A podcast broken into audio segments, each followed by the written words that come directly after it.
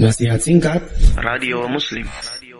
Afwan Ustaz, eh, saya mendengar ceramah dari dai lain bahwa sholat witir boleh dilakukan ketika masuk azan subuh.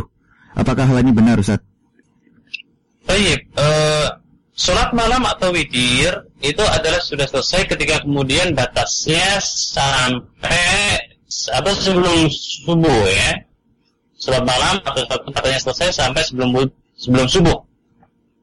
Wallahu a'lam kalau memang eh, dikatakan oleh ustaz tersebut ya diperbolehkan setahu saya batasnya adalah ketika sampai sholat subuh. Itu waktu sholat malam atau sholat isya. Sebagaimana dalam bahasan fikih waktu sholat pelaksanaannya adalah ketika sampai waktu uh, subuh ya.